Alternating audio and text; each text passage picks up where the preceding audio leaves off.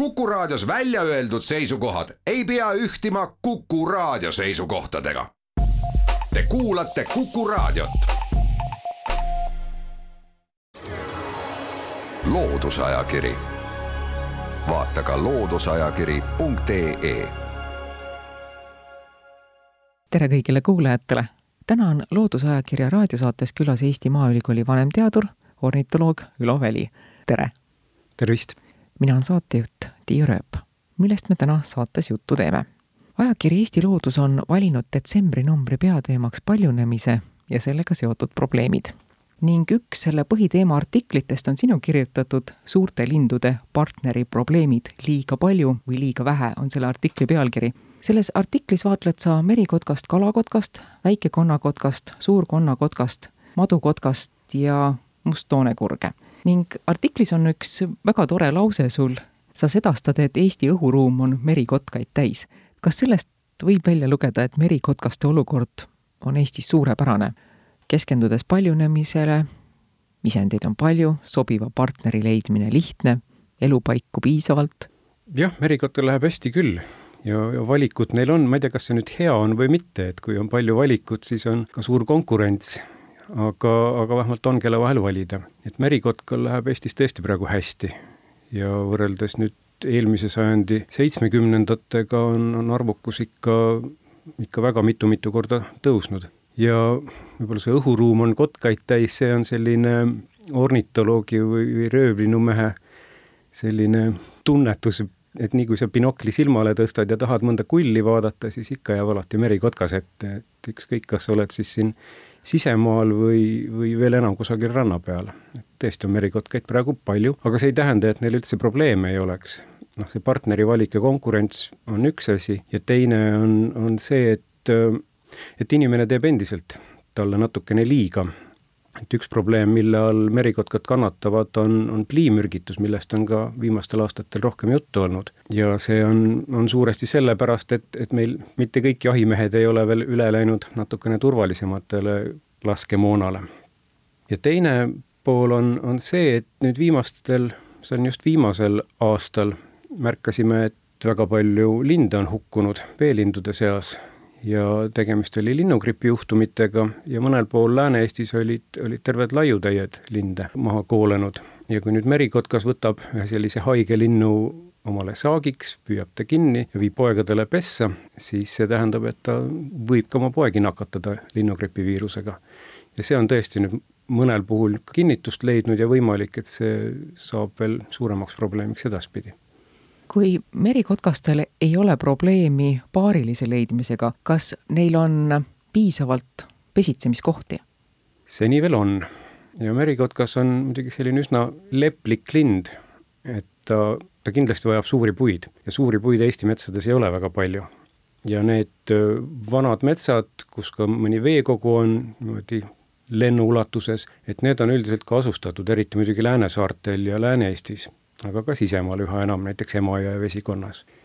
ja leplik on ta selles mõttes, et see suur puu ei pea alati paiknema ka keset suurt metsa, et kui ta on jäetud mõne langiserva või on ka suisa langi peale jäänud, raielangi peale jäänud säilikpuu, siis ta võib oma pesa ka sinna ehitada. et selles mõttes on merikotkal, ma arvan, valikut isegi üsna hästi võrreldes mitmete teiste liikidega. kas on teada, kui kestvad on merikotka paarid? on see selline armastus kogu eluks? Kui me nüüd inimlikustame? lühidalt öeldes võiks öelda küll jah, et, et küllap ta nii on. et selliseid äh, lahutusjuhte kindlasti tuleb ette, aga, aga nii palju, kui me oleme nüüd jälginud neid veebikaamerates, siis on näha küll, et ikka samad linnud püsivad koos. aga noh, loomulikult on ka erandeid, aga võib-olla merikotkas ei ole jah see liik, kellest me nüüd kõige rohkem teaksime nii-öelda paarilise vahetuse koha pealt kõigile kotkaliikidele me paneme värvirõngaid jalga ja, ja need värvirõngad aitavad meil siis jälgida, et kas linnud vahetuvad või mitte. aga merikotka kohta on seda infot natukene vähe kogunenud, et kalakotkast ja konnakotkastest on palju rohkem teada. ja mida te teate kalakotkast ja konnakotkast, kui pikaks ajaks nad kokku jäävad? konnakotkad on minu meelest üsnagi truud ikkagi, et äh, neil on küll selliseid sissetungijaid ja ja noh, me siin Tartumaal oleme nüüd väga pikalt, ligi veerand sajandit juba konnakotka väikest populatsiooni uurinud, umbes kahekümne, kahekümne viie paarist, ja seal on nüüd küll kaameraid pandud, saatjaid pandud selga, rõngaid pandud jalga ja siis me näeme, kuidas mõni armastus kolmnurk tekib, lagunevad paarid, tulevad uued linnud, lähevad minema, aga, aga no enamik paare püsib ikka koos. Ja isegi, kui mõni isalind juhtub näiteks hiljaks jääma ja emalinnul on juba uus paariline võetud, siis tavaliselt ikka see vana isalind tuleb ja lööb korra majja ja emalind on, on sellega nõus. aga jällegi, on erandeid ja mõnikord peab hoopis vana isalind jääma niimoodi tühjade pihkudega ja, ja kuskile vaikse koha leidma ja, ja lüüakse ta lihtsalt minema.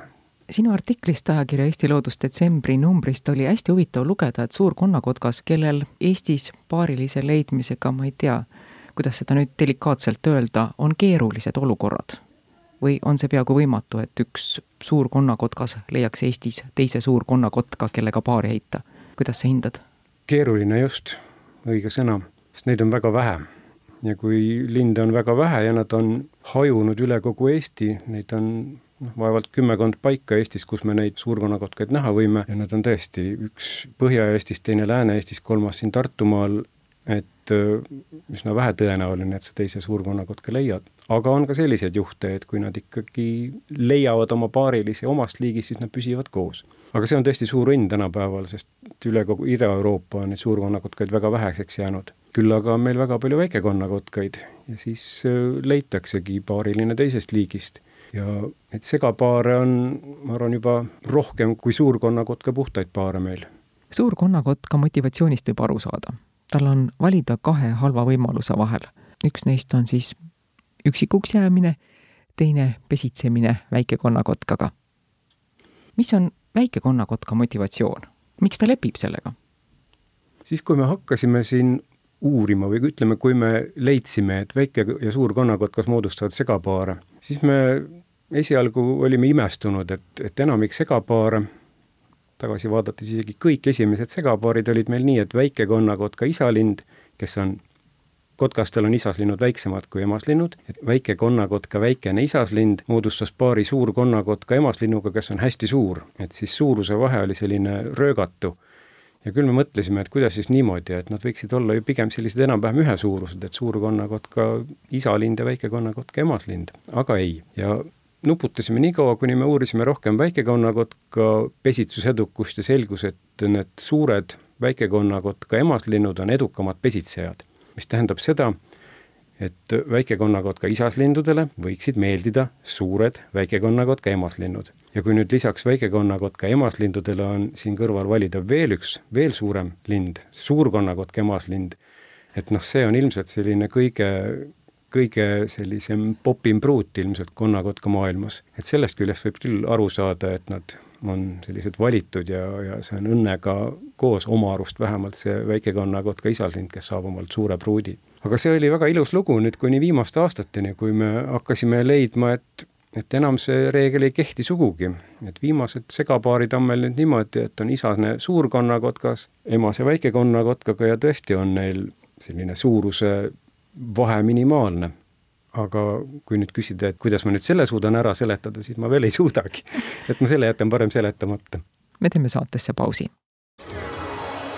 loodusajakiri vaata ka looduseajakiri.ee. loodusajakiri läheb edasi. kuku raadio Tartu stuudios on ornitoloog Ülo Väli, saatejuht on Tiiu Rööp. enne pausi me rääkisime suurkonnakotka ja väikekonnakotka segapaaridest. mul on seoses nende segapaaridega veel üks küsimus. suurkonnakotkas eelistab elupaigana soometsi, väikekonnakotkas kuuse segametsi. Need on erinevad kooslused kuhu teevad pesa suurkonnakotka ja väikekonnakotka segapaarid? milline on nende valik?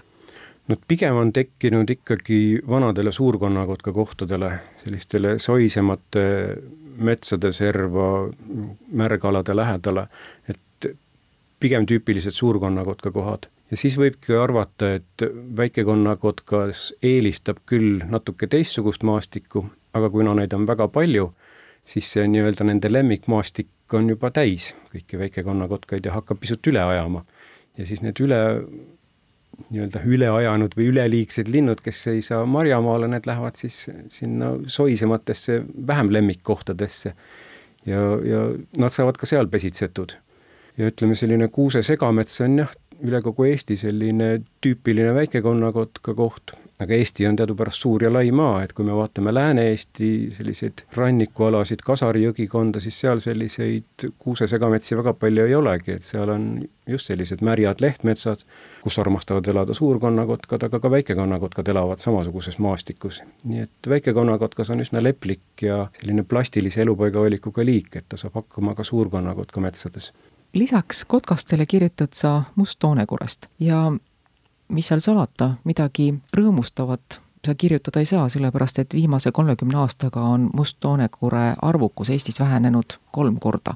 kas on teada üks selge põhjus, miks see nii on või on neid põhjuseid rohkem?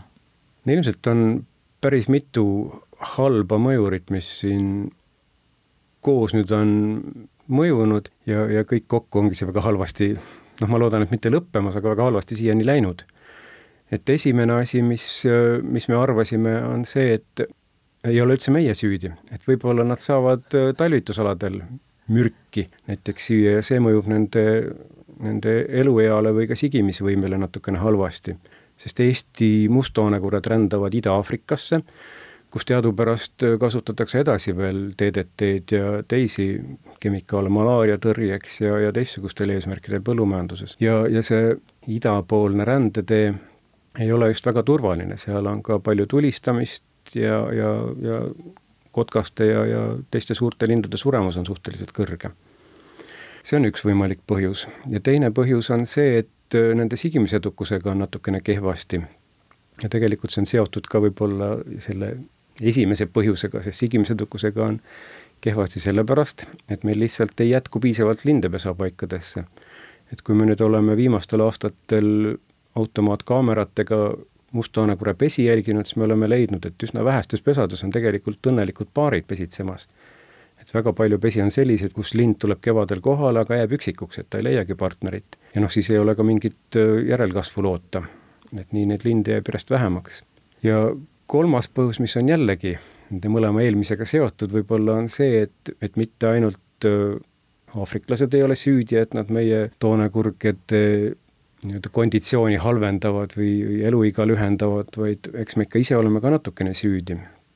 ma ei tea nüüd, kui palju me mürgitamisega siin Euroopas tegeleme, aga esimesed märgid nüüd on küll näidanud seda, et Eesti musttoonekurgedest leidub elavhõbedat natukene liiga palju.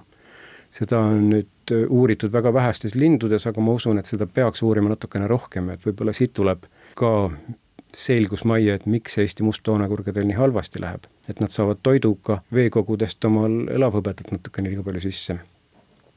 ja veel üks põhjus, mis ma suudan välja pakkuda, on see, et tegelikult on Eesti pikaajaline metsakuivenduse traditsioon ja nii-öelda võidukäik musttoonekurgele halvasti mõjunud. et Eesti metsamaastik on metsakraave täis ja igasugused väiksed metsaojad ja teised veekogud jäävad selle võrra kuivaks. ja just nimelt väiksed metsaojad on just need, kus musttoonekurg oma põhilise saagi leiab ja kraavidest ta võib küll kevadel otsida toitu, seal on väga palju vett ja ilmselt ka teatud väikseid elukaid, keda ta suudab püüda ja süüa. aga suve poole jäävad need metsakraavid tühjaks, kuivenduskraavid jäävad tühjaks ja siis ei ole tal enam poegadele võimalik süüa viia nii jäävadki pojad kas päris nälga või on nad lihtsalt niivõrd kehvas konditsioonis, et nad ei suuda oma esimest lõunamarännet üle elada. jällegi, meie kaotame selle läbi kurgi, kes võiksid äh, suureks sirguda ja meile taas pesitsema tulla. nii et äh, väga palju erinevaid põhjuseid ja kõik see kokku ongi musttoonekure seisundile üsna halvasti mõjunud ja musttoonekurg, ma arvan, kotkameeste praegune murelaps number üks, suurkonnakotkas loomulikult teine. kas ähm, musttoonekurg ei ole samamoodi oma üksilduse probleeme lahendanud nagu suurkonnakotkas, näiteks ähm, asunud pesitsema koos valge toonekurega? on see ilmvõimatu? teoreetiline võimalus on täiesti olemas ja loomaaias, kui nad ühte puuri panna ja neile võimalus anda ja noh, nad kuskile ära pageda ei saa, siis nad on, on seal ka moodustanud segapaar ja isegi hübriidid on, on koorunud nii Tallinna loomaaias kui ka teistes loomaaedades. aga looduses seda küll ei, ei saa toimuda, sest valge toonekurg on, noh, kõik teavadki, selline inimkaasleja ja pesitseb inimese inimese maja taga kuskil teede ääres elektripostide peal, musttoonekurg pesitseb metsasügavustes, nii et nad kindlasti ei asu kusagile ühte pessa ja ka toitumise kombed on neil natukene erinevad, et musttoonekurg sööb äh, ja otsib toitu igasugustest metsaojadest keset suuri metsi, valge toonekurg jalutab mööda niite ja põlde ja otsib sealt siis omale saaki. et nad on väga, väga erinevad ja see on teoreetiline lahendus, aga mitte praktiline. Olgem ausad, kui seda ka praktiliselt toimuks, siis see ei oleks musttoonekurele kui liigile kasulik ei, kindlasti mitte jah, nii et ega see suurkonnakotkas ka oma valikutega, mis isendi tasemel tehakse nüüd, liigi tasemel mingit pääseteed ei leia, et ristumine on ikkagi ummiktee. see ei ole hea valik jah, niikuinii. Meie vestluse alguses ma ütlesin, et Eesti Looduse detsembrinumbris sa kirjutad merikotkast, kalakotkast, väikekonnakotkast ja suurkonnakotkast, ka meil väga haruldasest madukotkast, lisaks musttoonekurest, aga kaljukotkast mitte midagi, miks? jah, seda on isegi piinlik tagantjärele tunnistada. Ja põhjus on see, et, et ma hakkasin rääkima probleemidest. Ja kaljukotkaga ma ei leidnud probleemi, et neid on parajalt, et neid ei ole liiga palju, neid ei ole liiga vähe nende endi jaoks. Neid on Eesti soodes päris kenasti regulaarselt pesitsemas, igas suuremas soos on üks-kaks paari. Nad on üsna hajusalt pesitsevad, igaüks elab omaette ja ei ole näha, et ka neil väga suurt niimoodi konkurentsi või külaskäijaid oleks, kes kiusaksid neid. et selles mõttes jah, kaljukotkas jäi võib-olla teenimatult varju, aga, aga temaga on ka meil nii värvirõngastega kui ka rajakaamerate ja veebikaameratega niivõrd palju huvitavat infot kogunud, et et võib-olla kaljukotkas väärib täiesti omaette artiklit natukene teistel teemadel, kuidas tal läheb ja võib-olla jääb siis järgmisesse artiklisse, järgmisesse saatesse. seda artiklit jään mina ootama, aitäh Ülo Väli saatesse külla tulemast, suur tänu sulle! aitäh kutsumast! Tänane Loodusajakirja raadiosaade on lõppenud. kes soovib aga põhjalikumalt, kui saates rääkida jõudsime, meie kotkaste ja musttoonekure pere probleemidest teada saada, soovitame ajakirja Eesti Loodus detsembri numbrit ning selles saatekülalise Eesti Maaülikooli vanemteaduri Ülo Väli artiklit. aitäh kuulamast, ilusat reede õhtut! loodusajakiri, vaata ka looduseajakiri.ee